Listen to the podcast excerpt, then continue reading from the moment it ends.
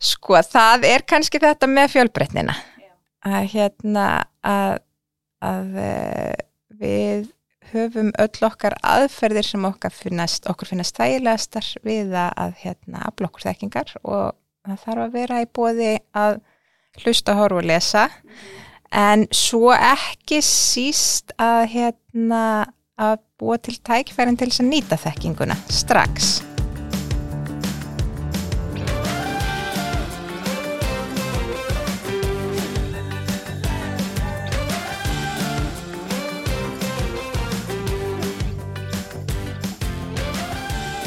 Komiði sæl og verið velkomin í hlaðvarp yðunar fræstusettus, augnablík í yðnaði.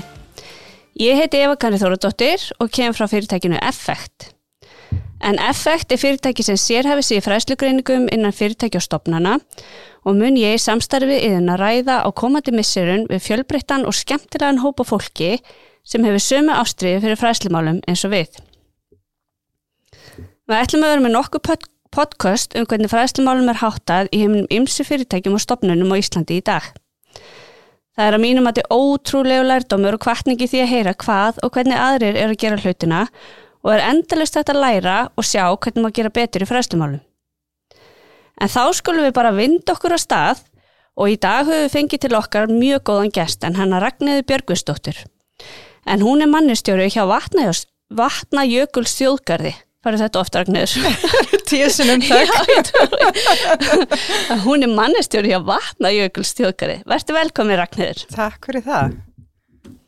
Viltu kannski bara byrja að segja okkur aðeins frá bara Vatnajökuls þjóðgari Já, Vatnajökuls þjóðgarður er sagt, stæsti þjóðgarður Íslands og sá stæsti í Vestur-Európi og hann var stopnaður árið 2008 Uh, hann nær yfir vatnajökul eins og nafni Bernúsvaldi með sér og nærlegjandi svæði. Og þetta er svona um það byrjum 15% af Íslandi sem að falla þarna undir þjóðgarðin, þannig að hann er ansi stór.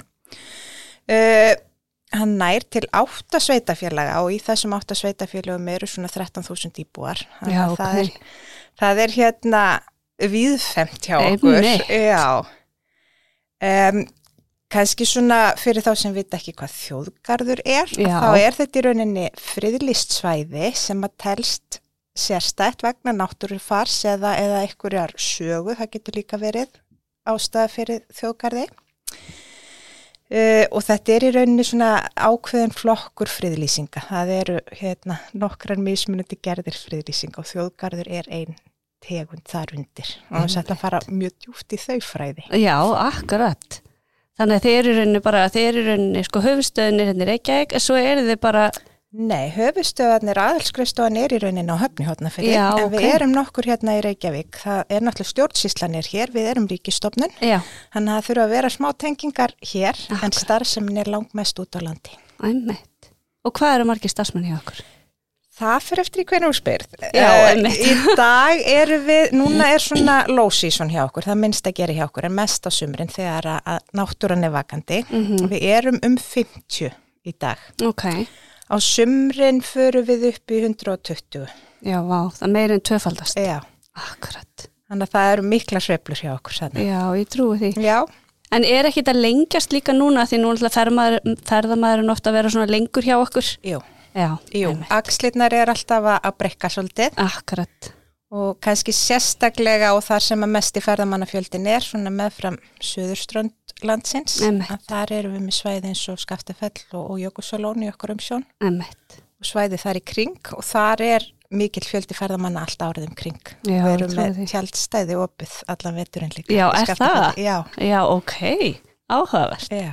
Emmett. En hvernig gengur nú ef við komum bara stóru, stóru spurningunni hérna hjá okkur? Hvernig er nú svona fræðslumálum hátta hjá okkur?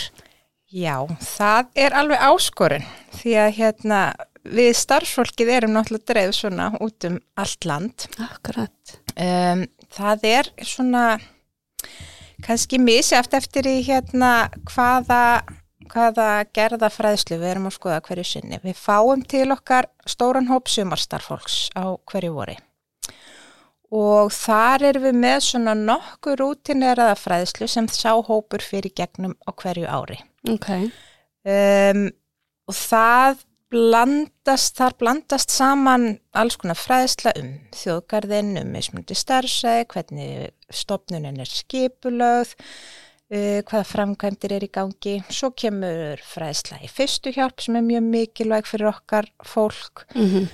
uh, það þjálfun í að veita fræðslu því það er mjög stór partur á okkar hlutverki Já, að fræða út á við um náttúruna og það sem við höfum kallað náttúrutólkun eða við, það, það sem er kallað náttúrutólkun. Mm -hmm, akkurat. Svo þarf að kynast svæðuna, þarf að kynast vinnustæðanum og svo bara alls konar praktísk málum hvernig launin eru borguð út Já, og allt þetta. Akkurat. Um, Við erum náttúrulega viljum vera umhverfisvæn og vistvæn, þannig að það er fræðslega í kringum grænumálinn hjá okkur, það er fræðslega um akstur bifriða, við erum með margar stöður upp á, á Hálendi og Emmett. þá þarf að keira breytta jeppa til þess að komast ánga og þú þarf svona aðeins að fá færitni í því, keira yfir vöð og fleira. Þannig að það er mjög margt sem er að fara yfir. Þetta gerum við svona sumt á netfyrirlesturum okay. fyrir allan hópin í einu annað þarf að kenna á staðnum og mjög stór hluti fræðslunar hann fer fram á hverju svæði fyrir sig þegar fólk er mætt. Já, akkurat. Og sumt er svona bara sambland af þessu. Akkurat. Svo eru við með stórumyndina helsársstarfsfólkið okkar og, og hérna einhverju svona starfstróun mm -hmm. og þá er, er hérna þá er meira allskonar í bóði. Já, einmitt. Og hérna og þá eru við mikið að nota vefinn mm en síðan reynum við líka að nýta tíma, við reynum að hittast yfirleitt öll einu sinu ári Já. og þá reynum við að nýta þann tíma í að, bæða að stilla okkur saman og að fá einhverja fræðslu. Akkurat, þannig að það er í rauninni rosalega mikil áherslu að lögða á fræðslu og þjálfin hjá okkur. Já. Það, þeir alltaf það. með Já, bara fræðslu áherslu. Það er alltaf eitthvað í gangi. Um, það hefur kannski ekki verið skrásett fræðslu áallin alltaf en við erum alltaf með þjálfunar áallinir mm -hmm. fyrir sumrin og þar höfum við verið með svona bara ákveðna gæðastæla fyrir okkur og tjekklista til þess að geta þess að allir fái þá fræðslu sem þeir þurfa. Já. Já, það skiptir líka bara svo miklu máli fyrir öryggi gestana sem koma til okkar og öryggi okkar starfsfólks því það er oft langt í aðstóð ef eitthvað kemur upp og Akkurat. þá þarf að vera búið að gera allt til þess að hlutinni gangi vel og það verði engin neyð en líka hvað hvað ætti að gera og hvernig þú bregst við ef eitthvað, eitthvað kemur upp á. Mér fannst hann að bli svo áhugavert og þess vegna var ég myndið að draga hérna til mín í viðtali hérna að því að auðvitað viljum við að vera með fræslu og þjálfun og við viljum að hafa þetta bara, bara reglulega og gera þess vel og við getum í öllum fyrirtækjum og stofnunum en þetta er samt eiginlega bara ekki val hjá ykkur. Nei. Þið bara, þið bara verði, þetta Já. er bara jafn mikilvægt og hvað annað í starfseminn. E, já og bara með því mikilvægara. Akkurat og bara bundið í okkar hlutverk líka því að eins og ég sagði að þá er stór hluti af því sem við gerum er að veita fræðslu og þá er náttúrulega mjög mikilvægt að við séum að veita rétta fræðslu og þar með þar starfsfólkið okkar að fá upplýsingarnar sjálf en það þarf líka að æfa stíði að veita fræðslu nú á miðla. Já, akkurat. Emmett. Og hvernig gengur ykkur svona að halda utanum hverju eru búin að gera hvað og eru þið með ykkur svona, eru ykkur með markmið eða eru að geima þessi gögn eitthvað neina, hvernig eru þið svona halda utanum þetta? Já, við erum svona kannski svolítið að gera tilraunir þarna og, hérna, og prófa okkur áfram.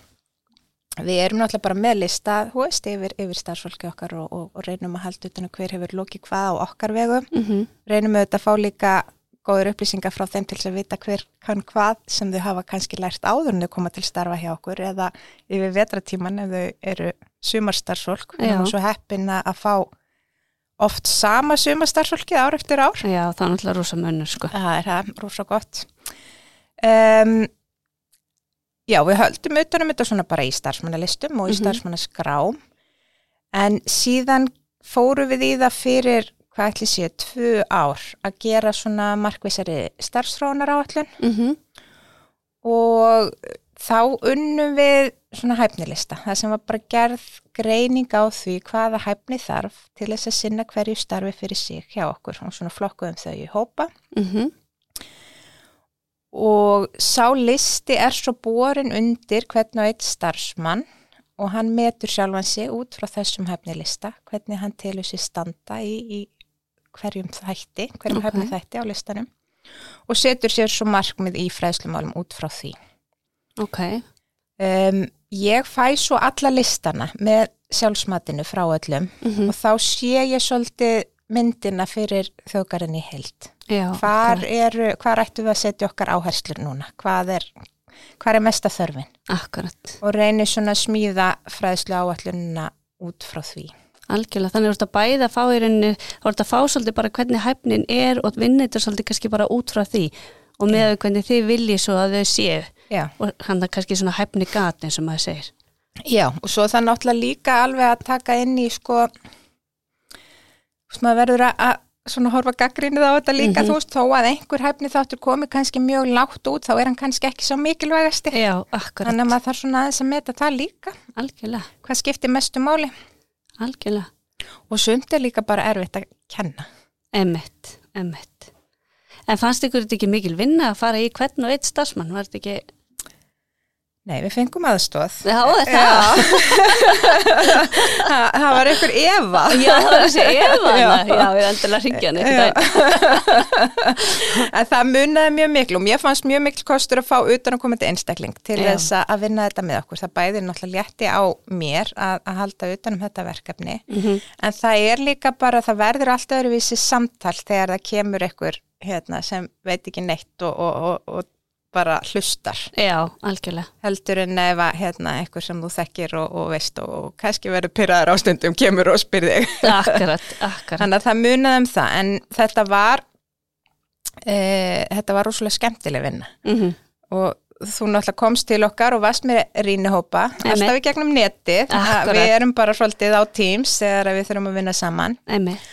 og þeir starfsmenn sem að tóku þátt í þessari vinnu, þeir voru rosalega ánæði með þetta þeim fannst þetta mjög skemmtilegt Algjörlega. Þannig að bara það sá prósess, hann, hann gaf okkur mjög mikið Einmitt. og mjög ást líka bara að því að það er mjög samt hvað fólk leggur í þessa vinnu þegar verður að fara í svona hefnu þekkingalista og mjög svo flott hvað starfsfólki þitt einhvern veginn var tilbúið að fara í hvern hefni þátt og var alveg virkilega einbita sér bara hvað þýðir þessi uh mhm, -huh, þáttur og hvað uh mhm. -huh. þýðir það fyrir okkur og, og þau voru svo ótrúlega áhuga sem með þetta, var alveg frábært Já Ég er með rosa flottan hóp Já, það er alveg greinilegt, þannig að þið viljið styrna Bara á vetuna En hvernig gengur þið svo að halda svona móti veisunni í gangi? Þú veist að því að nú er náttúrulega brjálega að gera í vinnunni, sérstaklega við sumatíman Já. Fólk kannski bara hefa enga tíma fyrir fræðslu. Nei, og sérstaklega mitt yfir sumatíman Þá er bara verið að keira Já, Það er bara hérna, allar hendur og árum að róa sko. Akkurat. Uh, Þá þarf að vera gott skipula í upphauðsumars til þess að það fara enginn inn í sumarið og vandi ykkur þekkingu Emmett. þegar að hérna, á reynir. Emmett. En svo verður maður líka bara að gefa sér slaka. Það er ekkert hægt að vera fullkomin. Nei, emmett. Það, það er bara, þú veist, við getum aldrei búið okkur undir allt sem kemur upp á. Akkurat. Er þið með eitthvað stað fyrir fræslunum sem fólk getur sótt eða vantar eitthvað missir af námskeiði eða langar að rivita upp aftur? E, já, svona, það er aðeins mismunandi eftir í hvaða námskeiði eru en já. við höfum reynd að hafa, hafa upptökur og, hérna, og hafa þær aðgengilegar. Það er samt svona mín reynsla að það hefur alltaf reynst svo miklu betur að hafa ákveðin tíma fyrir já. hlutina já. og helst þannig að þú verður að mæta. Akkurat annars missir af. Já, því, að ef, að því að annars sko er svo það er svo mikil hætta á að, hérna, að þú frestir og frestir og frestir Já. að því þú ætlar að býja eftir því að hafa tíma í þetta. En sá dagur hann kemur bara held ég aldrei. Svo er þetta líka kannski bara orðið svolítið svona hluti af dasgránu hjá ykkur á vorin. Fólk Já. veit bara af þessu. Þetta er bara eitthvað sem er alltaf og þarf alltaf að fara í gegnum. Þetta er bara ekkit svona nice to have. Nei, þetta er bara, bara mikilvægur þáttur í starfinu. Akkurat. Og þetta er nokkuð svona rútinubundi fyrir vorin hjá okkur. Uh, svo höfum við verið að reyna að svona koma kannski einhverju umgjörð á fræðslumálinn yfir vetratíman fyrir, mm -hmm. fyrir starfsfólki sem er allt árið hjá okkur. Og hérna og þá köllum við það fræðsluber okay. og, hérna, og það var nú, byrjaði nú eiginlega bara sem brandari að þetta ætti að vera í september, oktober og november og þá, hérna fræðsluber svo höfum við bara haldið þessu heiti og þetta hefur alveg rúlað svona yfir allan veturinn okay. og þá höfum við verið með, veist, fengið eitthvað gest til okkar eða einhvern úr okkar starfsmannahópi til þess að halda stuttirindi og höfum Já. svo umræður í framhaldinu Já. og það hefur verið mjög fjölbreytt, alls konar sem hefur komið þarna einn og það hefur verið mjög mjög skemmtilegt. Akkurat. Hvernig eru stjórnendur svona aðstofaði við þetta? Hvernig koma þeir að fræslinni? Já, þeir taka þátt í hæfni matinu. Mm -hmm. uh, sagt, þegar hver starfsmæður er búin að fara í gegnum hæfnilistan sinn og meta sig að þá sesta niður með sinnum næsta yfirmanni og ræðir Akkurat. þetta og, og þá eru sett markmið og, og hérna og kannski svona speklað hvar starfsmæðurinn vil bæta sig. Já, akkurat. Þannig að stjórnendur þurfa kannski svolítið líka að vita hvað hvað er svona, hvað má í fræslinni, hvað má ekki og fólk vil kannski sækja eitthvað annað eitthvað starf, þannig að þeir þurfa kannski svolítið að vera inn í hvað er í bóði í fræslimálum eða hvað? Já og nei, mm -hmm. veist, jú, það er alveg gott að vita það, en það má líka bara segja, herri, ég skal kanna málið og svo ræðum við þetta setna. Algjörlega. Og hérna, og Já, ég man ekki eftir neinu sem að við höfum sagt nei við. Sko. Nei, akkurat, akkurat. Ég ætla að koma að segja um hjá okkur, fara í MBA. Fáðu bara styrk frá stjættafélaginu fyrst. en hafið sett ykkur svona, ykkur markmið, hafið verið að sjá ykkur að þróun, þú veist, er það að mæla ykkur neginn árangur af fræðslu? Sko, um, við höfum, höfum þessa hefnilista og höfum matið frá starfsfólki. Mhm. Mm Um, það er náttúrulega verða alveg svolítið breytingar á milli ára hjá okkur, þetta eru svolítið ólíkir hópar og það er alltaf breyting Já. eftir í hvernig rásins við erum að mæla og svona, en það sem er áhugavert er að svona heldin, heldin þessi hefur stiga stiga talan eða, eða hérna, engunin innan gæsalappa, hún hefur lækka matið hefur aðeins farið niður á við. En það er allt í læk það er bara, hérna, það er bara áhugavert sko. En kannski er það bara því að mismunandi einstaklingar er að meta sig á mismunandi hátt eða sömu einstaklingar að meta sig á mismunandi hátt á milli ára, það getur líka verið. Algjörlega. En hérna, þannig að það hefur svona kannski ekki, ekki verið einhver mæli hverju til þess að sjá árangur, alltaf ekki ennþá. Akkurat. Mar hefur einmitt sé fyrirtæki að, og stofnarnir sem hafa farið í gegnum þessa hefni greiningu og þekkingalista eins og þeir eru að gera þessa aðfyrirfræði og þau eru einmitt ekkit endilega öll að hækka sig. Nei. Þau eru bara að fara Nei. þess og krussu upp og neður og alls konar. Já, já. Og ég held líka bara að fólk sé fara að hafa meiri einhvern veginn farin að setja meira pælingu í þetta og, og svona bara þetta vantar mig núna svo heldur þú kunnir það, svo lendur ykkur uh -huh. ákveðinu verkefni mhm. -huh. og þá sér þau bara ég kann þetta bara ekki eins og ég held ég myndi kunna mér vantar meiri þjálfin í þessu sko. akkurat, akkurat. þannig að ég eitthvað neginn ég held þetta sé svolítið svona bara svona, svona mæling og stöðin í dag Já og þetta er bara, þetta er bara mjög gott til þess að meta þarfinnar. Já, einmitt. Og hérna, og þú veist, en það skiptir ekkit máli hvort þú ert með þrjá eða fjóra í þessum hefni þetta. Það er, þú veist, það er bara eitthvað viðmið. Einmitt. Akkurat. Það er ekki, ekki loka niðurstaðan. Nei, einmitt. En það sem hins vegar gerðist sem var svolítið áhugavert eftir að við kerðum hefnilistana fyrst af stað að þá sá ég alveg hérna, starfsánægjuna að taka smá kipp. Já, ok. Og þú veist, eflaust ymslegt fleira sem já, hefur áhrif þar en hérna, en ég setti það alveg pínu í samhengi við þetta að, hérna, að, að bæði fólki fannst þetta skemmtilegt og þessi aðfyrir hún alltaf gefur fólki svolítið valdið á sínu og sinni starfstróðun og það er alltaf, alltaf skemmtilegt. Já, gefur þið líka einmitt svolítið svona bara stöðu tjekka sjálfum sér. Já. bara hvað þarf ég? Já. þó að séu þetta að vera að setja alla svolítið í svipaða fræðslu en þá að minnstakosti getur þið sé þetta þarf virkilega ekki áherslu á hjá mér mm -hmm. og það satt Akkurat Algjörlega, spennandi. Já. Um, en svona eins og með gæðin, nú er þið náttúrulega að taka rosalega mikið af hérna, flottu námskeiðum og ráðaðin alls konar. Hvernig fylgist þið með gæðunum á námskeiðanum? Um, það hefur alveg verið upp og ofan. Við höfum reynd að senda kannanir svona hérna, eins konar námsmat til þeirra sem taka þátt og beðum öndugjöf. Mhm. Mm stundum gleimist það í mhm. hraðarnum. Mm -hmm. já, já. og hérna og svona þú veist við erum ofta að hlaupa hratt og, og hérna allir sem kannast við það. þannig að það hefur alveg verið upp og ofan og kannski ekki droslega markvist en hérna en alltaf gaglegt þegar við fáum ykkur á góða punkta eftir á.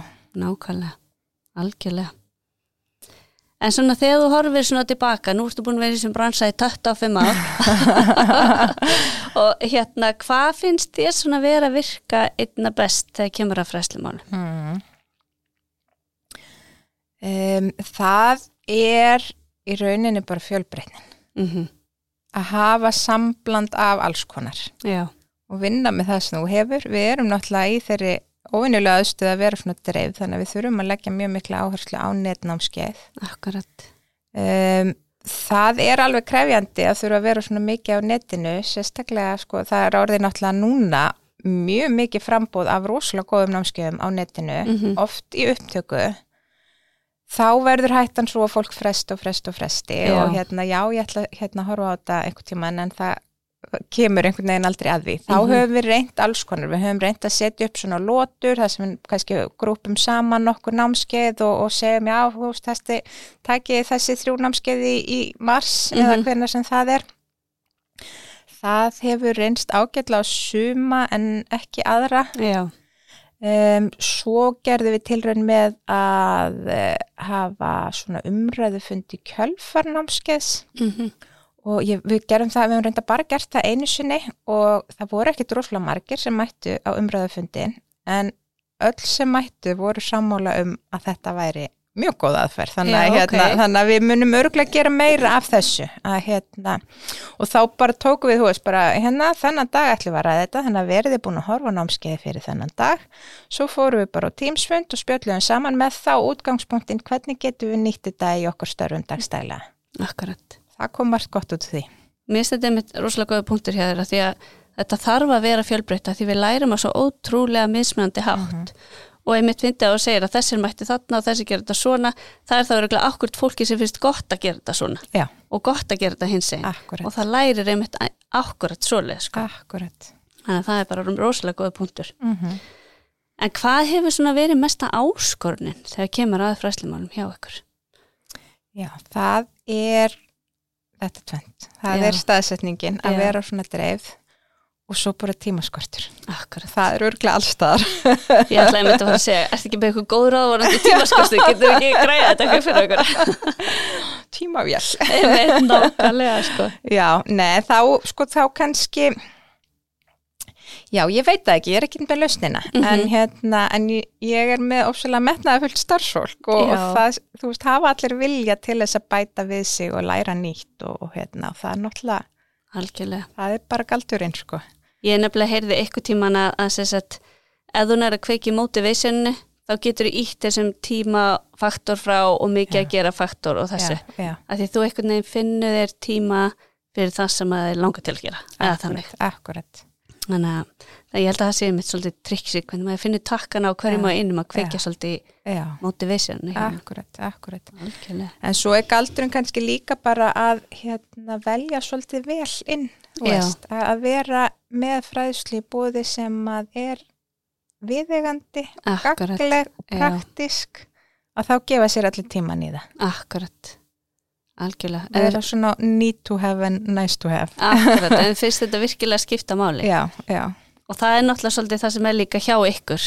Já. Að þú eiginlega getur ekki unni starfið nefn að fara í gegnum þetta, sko. Akkurat, akkurat.